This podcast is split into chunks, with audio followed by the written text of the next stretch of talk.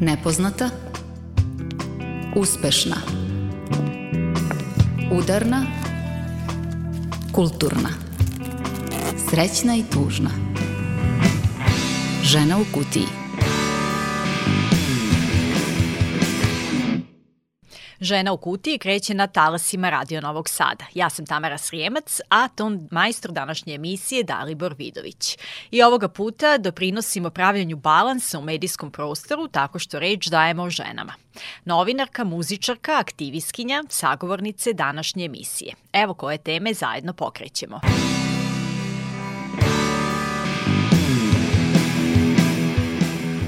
Antitrafiking organizacija Astra predstavlja izveštaj Nestala deca Srbije povodom prvih 10 godina rada SOS telefona za nestalu decu. Najčešći uzrok nestanaka dece su zapravo bežanja od kući ili iz ustanova socijalne zaštite, 45%.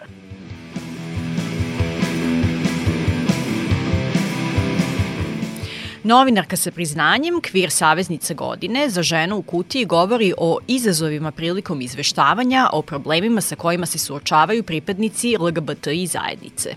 Svaki put me iznenadi to koliko su ti ljudi navikli da im se preti. I neverovatno mi je svaki put to da prosto žive sa tim da su nepoželjni, da su oni svoj život uskladili sa tim, sa koliko ograničenja žive, a trebalo bi valjda da ograničenja na svojoj koži oseti taj ko preti i napada ih. Rubrika Kulturna vodi nas na festival Ment u Ljubljani. Predstavljamo multitalentovanu muzičarku Astrid kad si predobar u Sloveniji, ljudi te ne vole baš. I slušaju muziku koja je ono, negde u sredini. Ja bih htela podignuti to scenu.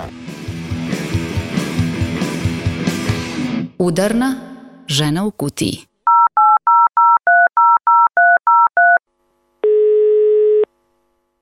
Za rubriku Udarna pozvali smo Hristinu Piskulidis iz nevladine organizacije Astra zbog predstavljanja izveštaja Nestala deca Srbije, evropski broj za nestalu decu u Srbiji 116000, prvih 10 godina rada. Kako je sve počelo tog 25. maja 2012. kada je SOS za nestalu decu prvi put zazvonio? Koju vrstu podrške je pružao tada, koju pruža danas?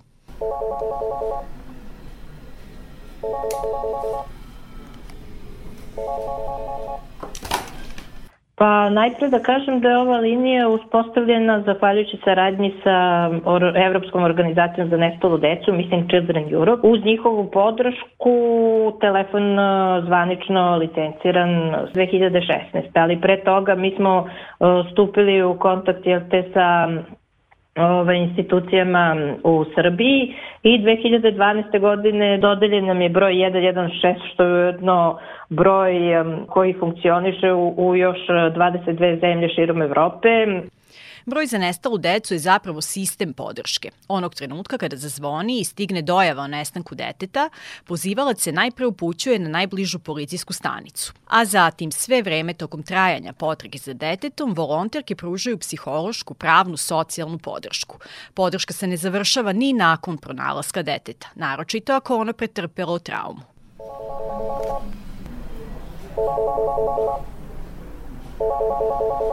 Od 25. maja 2012. do 31. decembra 2022. godine telefon 116 000 u Srbiji je neprekidno radio 3782 dana.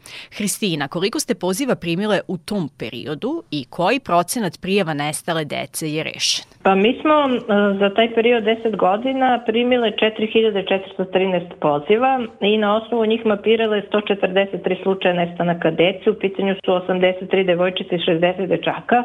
Ono što je neka dobra vest je da je većina tih poziva i nestanaka uspešno rešena, tako da je procenat između 89 i 99, 98 odsto u zavisnosti od godine. Najveći zabeležen broj poziva 2000 16. godine kada smo bili pod udarom migracija i te mhm. godine, na primjer, imali smo 33 prijavljena slučaja. Čini mi se 881 poziv, a do sledeća godina po broju poziva je 2020. odnosno vreme pandemije kada su institucije malo usporile sa pružanjem svojih usluga, pa onda je tu nekako nevladin sektor ponovo uskočio kao servis koji nadomešćuje usluge uh, koje institucije ponekad nisu u stanju da sprovedu u delo.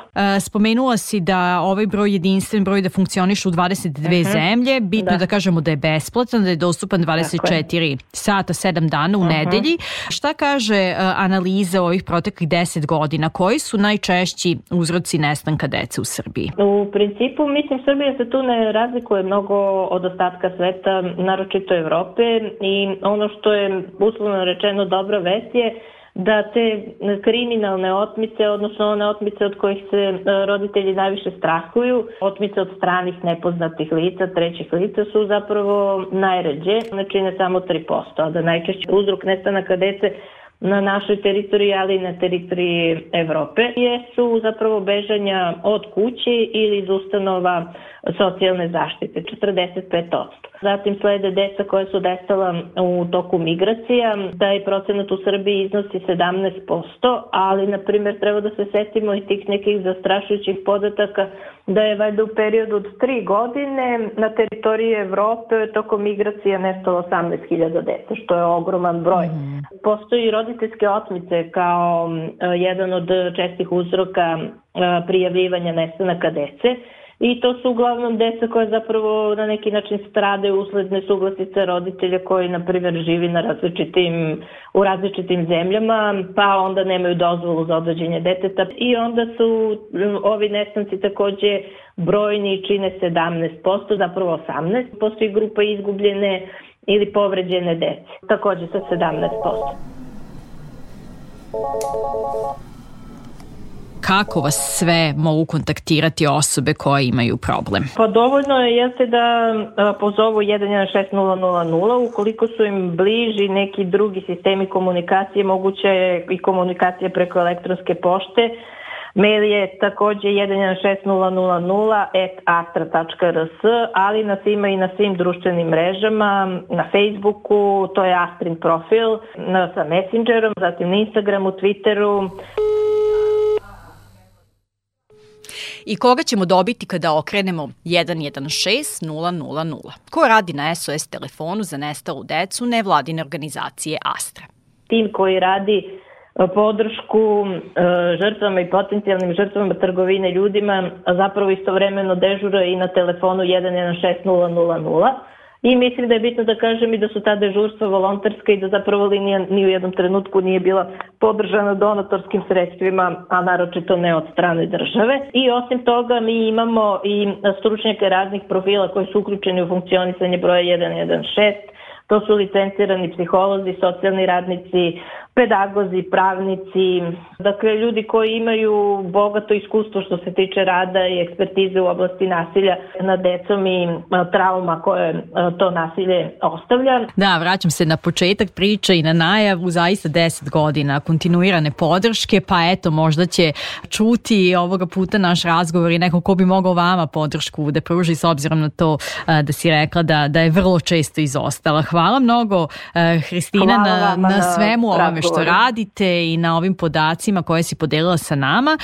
Naravno, e, srećnih i narednih 10 godina rada. Hvala puno.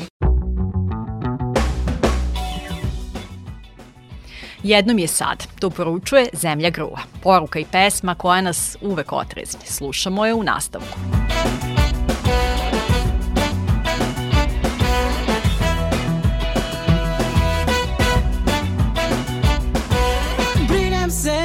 Sam sabrala. Oh, Koliko vremena sam provela Dok sam nepotrebno dugo spavala. Za džabe radila, pare jurila Džubre skupljala, džubre bacala U redu čekala, na tebe čekala. Bila nervozna jer nisam dobila.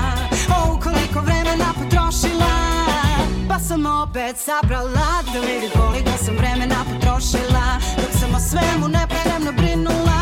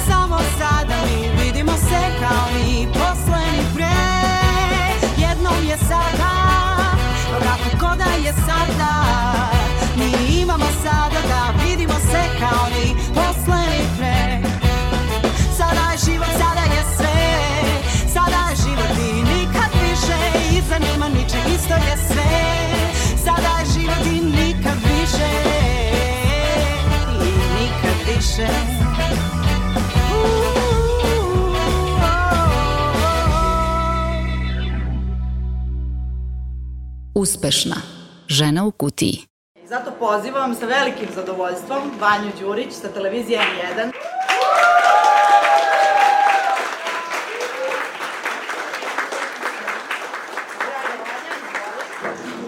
Hvala, hvala mnogo. Hvala uh, ekipi da se zna i svima koji su mi učinili zaista veliku čast i da budem zaista veoma ponosna uh, za to što sam dobila ovo priznanje.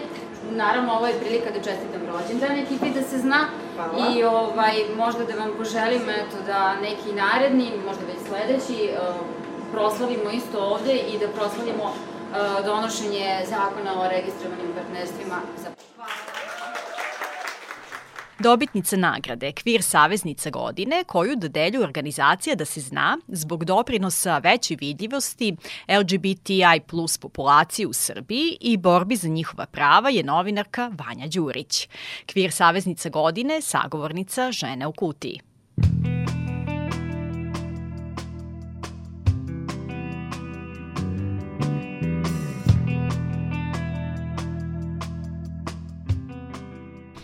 Vanja, hajde da krenemo od toga kolika je moć medija u podizanju vidljivosti neke teme, problema neke grupacije ljudi koja je diskriminisana i zapravo e, koliko mediji moraju biti saveznici i saveznice bez kompromisa kada je reč o ljudskim pravima. Pa ja ću prvo reći je kliše moć medija jeste velika i to je odavno već neko shvatio, jer da nije, e, ne bi vlade i političke elite toliko ulagale u PR, lobiranje, kupovinu medija, novinara, novinarki na različite načine. E sad, to je mnogo lakše naći saveznike u medijima, saveznike pod znacima navoda, jer imate mnogo oruđa u svojim rukama, mislim na novac. Naravno i neki drugi načine, postoji neki drugi načini kupovine naklonosti novinara. Međutim, tu bi trebalo da kažemo ne hvala, moj rad ne može da se kupi, što takođe mislim i za sve neke druge sfere.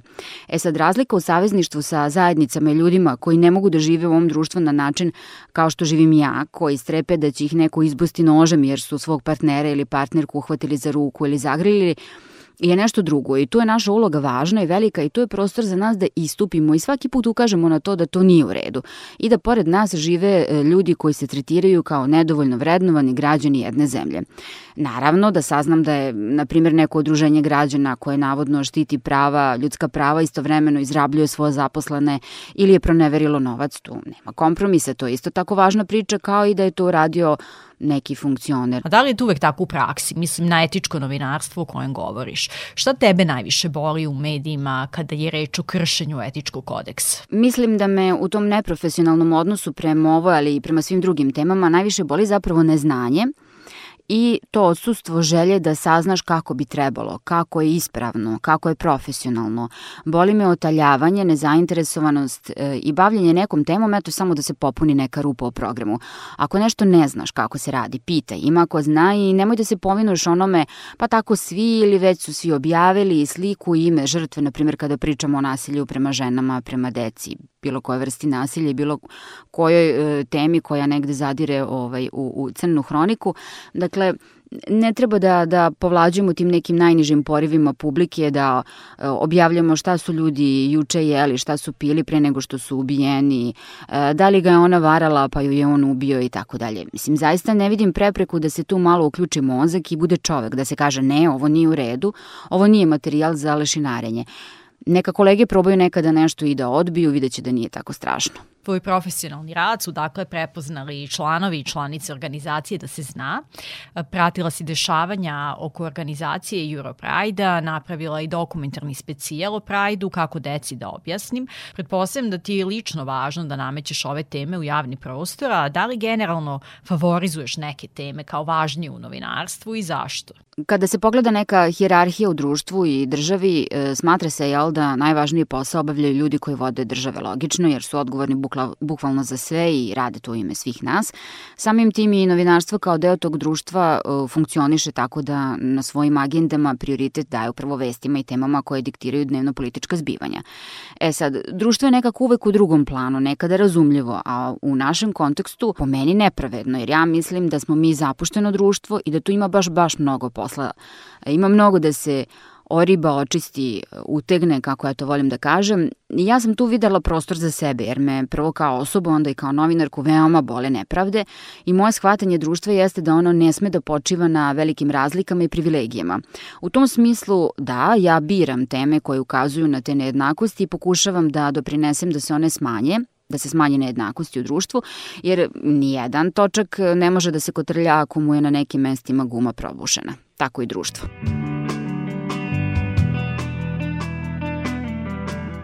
U protekom periodu si imala brojne sagovornice i sagovornike iz e, LGBTI plus zajednice i da li si iz intervjua specijala koji si radila, izveštavanja, sagledala možda neku novu perspektivu, novu dimenziju? Da li si nešto naučila, stekla neki utisak koji te je pratio, možda promenio, zamislio? E, mislila sam ranije da razumem kako je nositi se sa, sa tim da si stalno nečija meta, da se stalno osvrćeš iza sebe, da li neko ide kome se ne dopada kako izgledaš i koga voliš i ko je zbog toga odlučio da te prebije.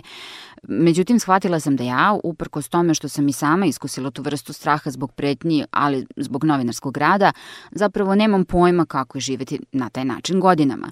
Ne znam ja kako je kada te porodica odbaci, kada si e, njihova sramota. Ne znam koliko je teško nositi se sa tim da ne smeš svoje okolini da priznaš ko si ti zapravo. Ali e, nešto što me možda najviše iznenadi svaki put jeste to, i to je taj neki najjači utisak e, iz, iz rada na takvim temama i susreta sa ljudima iz LGBT plus zajednice, Dakle, svaki put me iznenadi to koliko su ti ljudi navikli da im se preti, da su nepoželjni, da ih e, ne gledaju kao ljude. I neverovatno mi je e, svaki put to da prosto žive sa tim da su nepoželjni, da su oni svoj život uskladili sa tim, sa koliko ograničenja žive, a trebalo bi valjda da ograničenja na svojoj koži oseti taj ko preti i napada ih. Ne, mi imamo potpuno obrnutu situaciju, vidim da su jako velike napori da se to promeni, ali bojim se da tu o, nema prostora za optimizam da će to uskoro e, biti biti ovde drugačije. Ako bi sada napravila mini analizu, ne samo na mediju u kojem radiš, nego generalno u medijima u Srbiji, da li nam fali više priča o marginalizovanim grupama i koliko je to težak zadatak? Mislim na stalno nastojanje da se napravi balans u programu. Mm, mislim da je prostor za popravljanje društva veoma veliki, pa samim tim i za priče o medijima o tome. Rekla sam dakle već e, šta diktira tu dnevnu agendu medija i mislim da, nažalost, još jedno duže vreme ovde neće biti razumevanja za to koliko posla ima kada govorimo o smanjenju tih razlika, nejednakosti i pravljanju ovog društva boljim za sve nas. Ja bih jako volela kada bismo mi u medije mogli da dovedemo ljude koji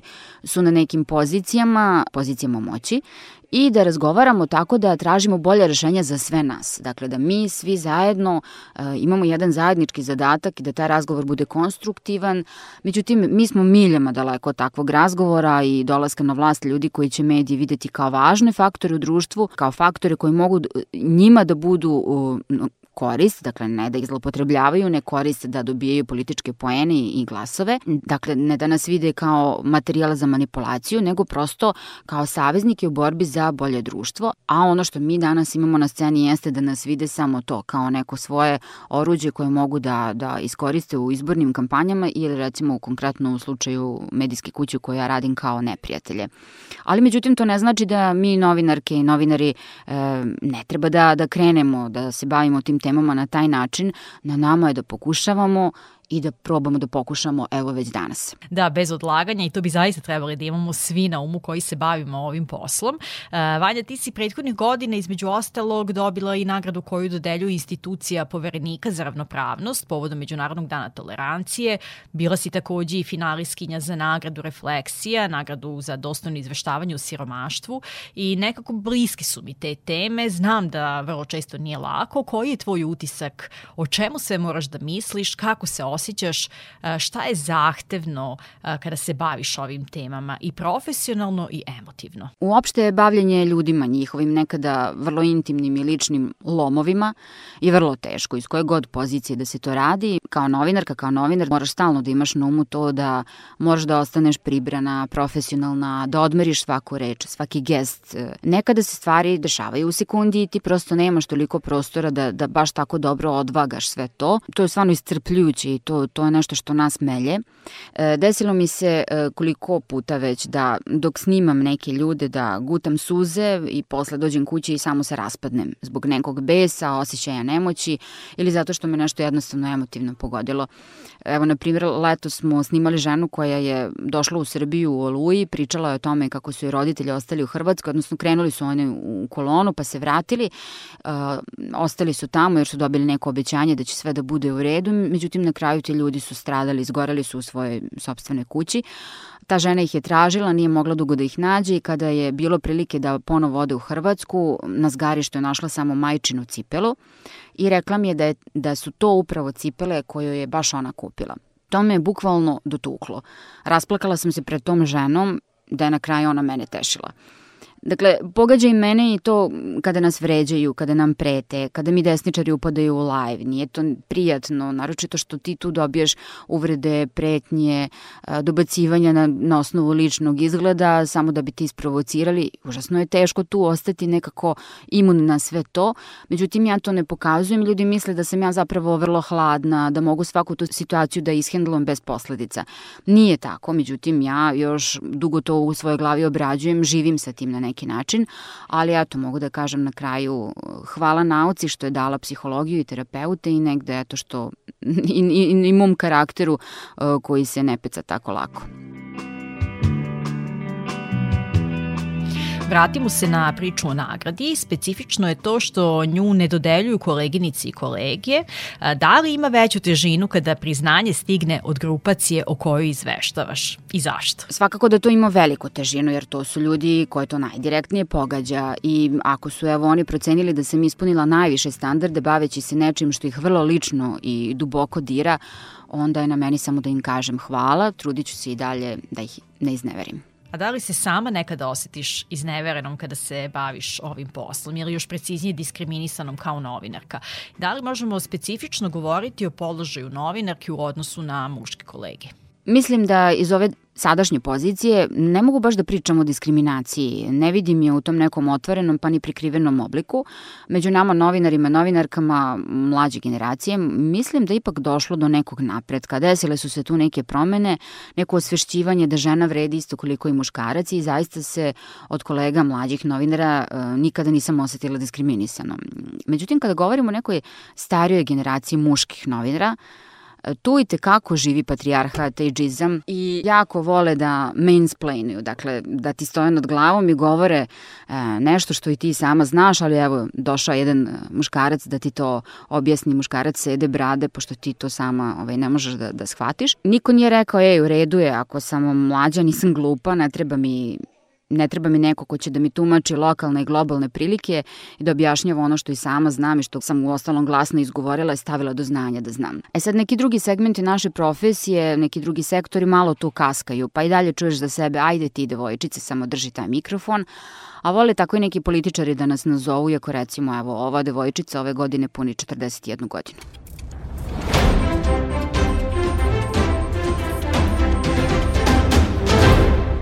Da, nije još rođendan, ali hajde da te pitam za pesmu koju bi voljela da čuješ nakon našeg razgovora, evo uz čestitke za nagradu, e, pesmu koju bi možda mogla da povežeš sa ovim našim razgovorom. Pesma koju bih voljela da ide posle ovoga jeste Ana Ćurčin, Don't Be Fake, to je ova nova stvar.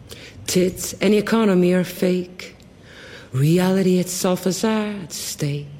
Sparkles in the eyes are added in post. CGI, everything except the agent host. Hearsay and truth are equal in the mind of confused people.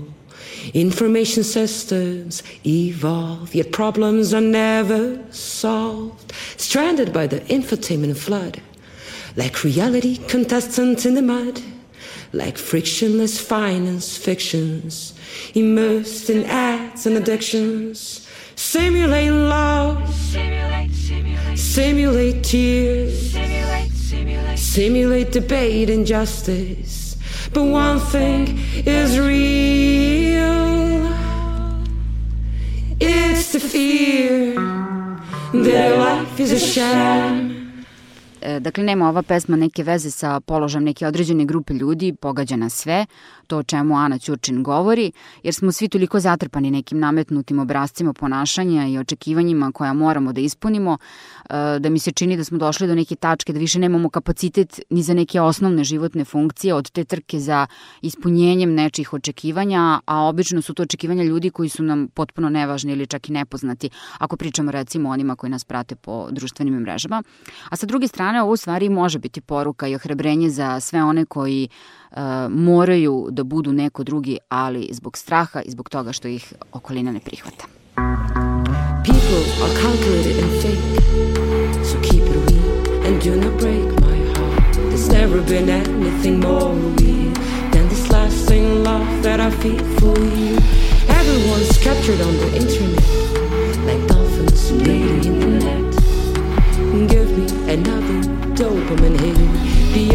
productive and never fit. Choose class status and race. Please enrage something but his face. Climate, holograms, and opportunity. Timmy, the savior in you. Simulate love.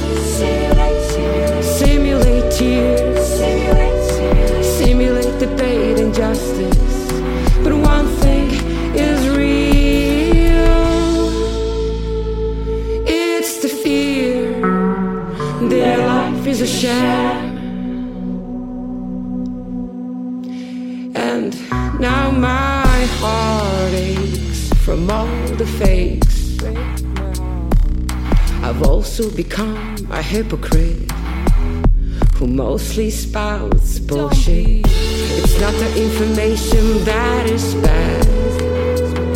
It's you and I who are both fake and mad. So don't be fake. It always breaks my heart.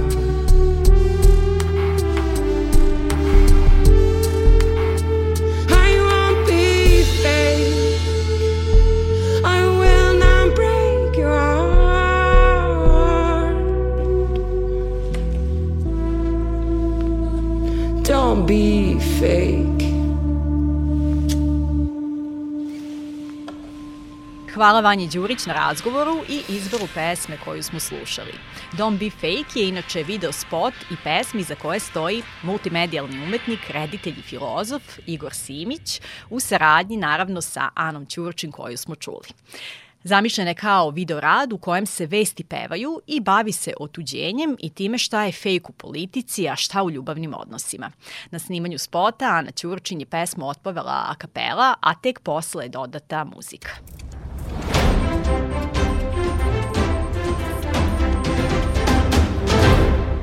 Kulturna. Žena u kutiji. U rubrici Kulturna, muzički festival i naravno muzičarke u fokusu. Poslednjeg vikenda marta održan je slovenački festival muzičkih otkrića Ment Ljubljana, na kojem je nastupilo 77 umetnika. Kako se moja Milica Kravićak Samit preselila u Ljubljanu, tako smo mi dobili priliku da čujemo izveštaj sa festivala, utisak sa otvaranja, ali i preporuku za slušanje novih muzičkih imena. Slovenački Ment festival koji je zapravo posvećen promociji savremene muzičke scene, ne samo slovenačke, već bukvalno Jugoslavija u malom je ovde tri dana, ali i šire zato što svaki put je neka zemlja e, u fokusu. Ovoga puta su tu dakle gosti iz Skandinavije, ali ima bendove iz Italije iz raznih država Evrope. Utisak koji imamo kada prvi put uđemo na men, kao što sam ja, sad jeste nekoliko stotina ljudi koji su okupirali Kino Šišku, to je jedan od prostora u kojima se izvode koncerti, maltene ceo grad biva u znaku menta. I naravno, desetine i desetine bicikala parkirani ispred. Stvarno predivna atmosfera, meni je neverovatno da na otvaranju festivala koji je e, posvećen nekoj angažovanoj alternativnoj muzici bude toliko ljudi i samo želim da se to desi i Srbiji. Sobi, jesi ti radio Rakun? Bendova je toliko i koncerta da se selekcija mora napraviti za samo slušanje na festivalu, tako da i žena u kutiji vama predstavlja dva imena. Jedno je slovenačko, Ana Astrid Kljun, vredna svakog slušanja, a drugo je sa srpske scene Bojana Montriševića ove godine na Mentu. Inače, kompilaciju možete pronaći na YouTube-u, što od srca preporučujem, fantastična muzika. Počnimo ljubav iz početka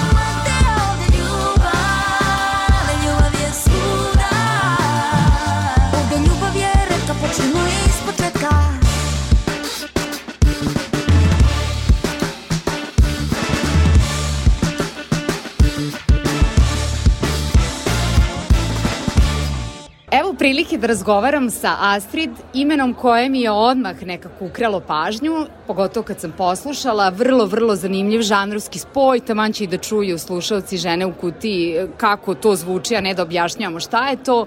Zanimljivost kod tebe, Astrid, je što si ti stvarno mnogo toga, bukvalno zaslužna za sve što možemo da vidimo i čujemo u tom spotu, jer si i rediteljka, jer si inače i performerka i sviraš harfu, ti i napišeš svoju pesmu, ti izvedeš i to je jedno veliko bravo. Tako da je prvo sa, sa čim krećem upravo to. E, želim, da, želim da čujem kako ti uopšte vidiš svoju poziciju, da li u Sloveniji, da li na nekoj svetskoj sceni. Jeste to vrlo raritetno i ja volim što sam čula od tebe u neformalnom razgovoru, ali Da, ja sviram ok muziku, to definitivno nije trash. Baš volim što imaš to samopoznanje, to nama jako fali. Tako da hajde to, da čujem ja kako ti doživljaš svoju muziku i svoj rad. Da li je ono, šta god ti želiš da kažeš. Da li je cenjeno, necenjeno, da li voliš to što radiš? Pa, cenjeno je ono polako to prođe tu u Sloveniji, jer u Sloveniji ljudi slušaju muziku koja je, pa kako da to objasnim, kad si predobar u Sloveniji, ljudi te ne vole baš i slušaju muziku koja je ono, negde u sredini. Ja bih htela podignuti to scenu i muzičari sa kojim se ja e, družim isto razmišljaju. I zato sam re režiserka, zato produciram svoje spotove, zato pišem tekstove koji su dobri, jako um, thought through, premišljeni. Tako je, da. Du, onako duboki kako Duboki, da, da, to i nisu na neku prvu lopticu um, to, vidim se u svetu, ali ne na svaki način. Vidim se u svetu kao muzičarka, kao performerica, ali ne, ne na način da će to mm, uzeti vreme moj porodici tu. Da, da, zato što ti imaš stvarno puno uloga. Da, imam dete, imam partnera kojeg jako volim i odnosi su mi jako bitni. Bez odnosa nema muzike u, u mom slučaju. Kad sam jako tužna, radim dobre stvari, ali htela bi da radim jako dobre stvari i kad sam sretna, to, to mi je. Šta je onda tvoj maksimum koji želiš da postigneš s muzikom ili sa performansom ili s režijom? Ja mislim da ljudi nisu pripremljeni na moj maksimum, ali ja znam šta je moj maksimum, znam kakva sam performerka i znam da, da li bi imala platformu koja imaju svetske zvezde kao Beyoncé, nisam vo, kao tehnički nisam tamo, ali znam da kao plesačica, kao umetnica da sam jako visoko, ali treba mi platforma i Jučer sam slušala intervju sa glumcem iz Seinfelda, sa Georgeom, sa naočalima. I kaže, niko ti neće dati platformu, trebaš da si je sam napraviš i to sad radim, sad sama si pravim platformu, imam 27 godina, ali nisam, nisam mrtva. Tako da napravit ću si jako jebenu platformu i to će biti super. ja sam odušena svima što čujem. Kad spominješ platformu, onda je Ment jedna platforma. Da. Prvi put u životu vidim festival neke alternativne muzike ili nekih novih početaka za bendove koji je toliko posećen. Da su to kao hiljade ljudi. E, da. Šta je tvoje tvoje e, mišljenje o mentu ili voliš što si deo toga? Pa ment je e, dokaz da kad ljudi rade nešto sa srcem i nešto sa ljubav, sa, sa ljubavio do, do muzike ili do arta, da, da nešto veliko može da postoji i ljudi u Sloveniji jako volu Ment festival, ja jako volim Ment festival. Ljudi koji do, dolaze na Ment festival, oni jako vole muziku u stvari. Poštuju muziku i tu, tu može da, da prođe art ne može da prođe svud, svuđe, svude, Svugde. Svugde. Ne može da svugde u Sloveniji prođe art, ali tu stvarno može da prođe neka, neka jako dobra energija mi je. Ja danas sam imala intervju već i, i, i razmišljam da uh, pa nije mi cilj da sviram u Radio City Music Hallu. Cilj mi, uh, ono, uh, goal mi je da sviram u dobroj energiji, tu je to. I meni je, ment mi je dream come true. Zato jer to je platforma koja će otvoriti uh, vrata, pa ja mislim da, da će biti eksplozija. Ne, ne, ment mislim, prvo ovakvo iskustvo meni makar, e, nisam mogla ni da zamislim da, da je takav festival moguć sa takvim izborom muzičkim. Da. da li možemo to očekujemo u Srbiji?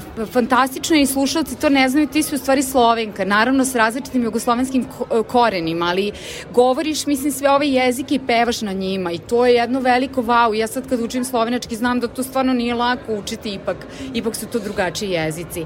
Pa hoćeš li nam doći u Novi Sad, u Beograd negde? Pa ja, ja moram da se vratim u Novi Sad na svake 5-6 nedelja. Imam porodicu u Novom Sadu i jako ih volim. Moj ujak Ivan i tetka Marina i sestre Dina i, i Jovana i brat Milan i svi, svi koji žive tamo, oni su moje srce. To je ono, kad, kad, kad se vraćam u Novi Sad, ja, ja, ja sam, to, to mi je kuća, tamo ja živim. kao, da, kao da sam živjela tamo od uvijek. Nisam shvatila to pre, predugo, ali ove godine stvarno sam shvatila kad sam se vratila po 13 godina, ne, 13 godina nismo se videli. Užas, šta mi je bilo? Budala. Ne se ponovi. Budala, da. Na faksu sam imala puno, puno da radim i onda ne znam. Ali da, u Novom Sadu bi jako htela da, da pevam i sviram sa bendom, sad imam bend. Da, i u, u Beogradu i u Srbiji. Pomoće ti žena u kutiji da zakažeš Pa, svirku. Super! Hvala puno za tvoje vreme, Hvala mnogo ti. sreće na svirci i na svim narednim i Hvala. planovima u životu. Hvala.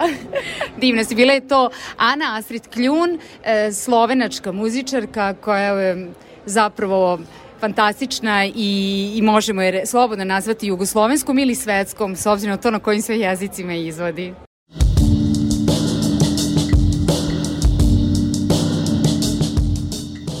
Hvala Milici i Astrid na inspirativnoj priči i prenetoj atmosferi sa Mente iz Ljubljane.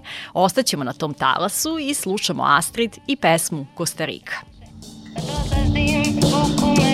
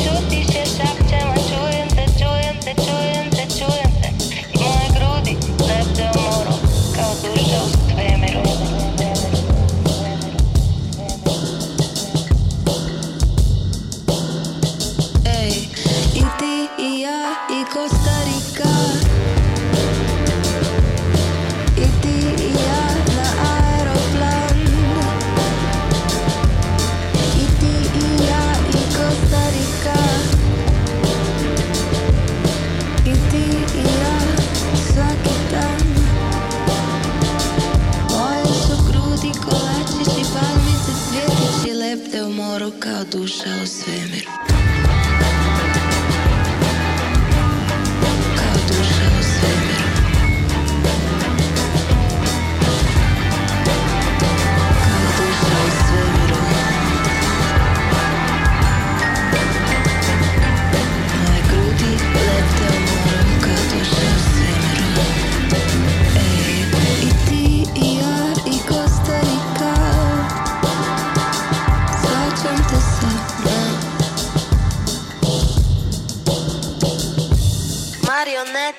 gledam te kroz prozore Suze na očima, djevojke poruke I odlaziš, ne mogu da šutim Molim te, molim te, molim te stani.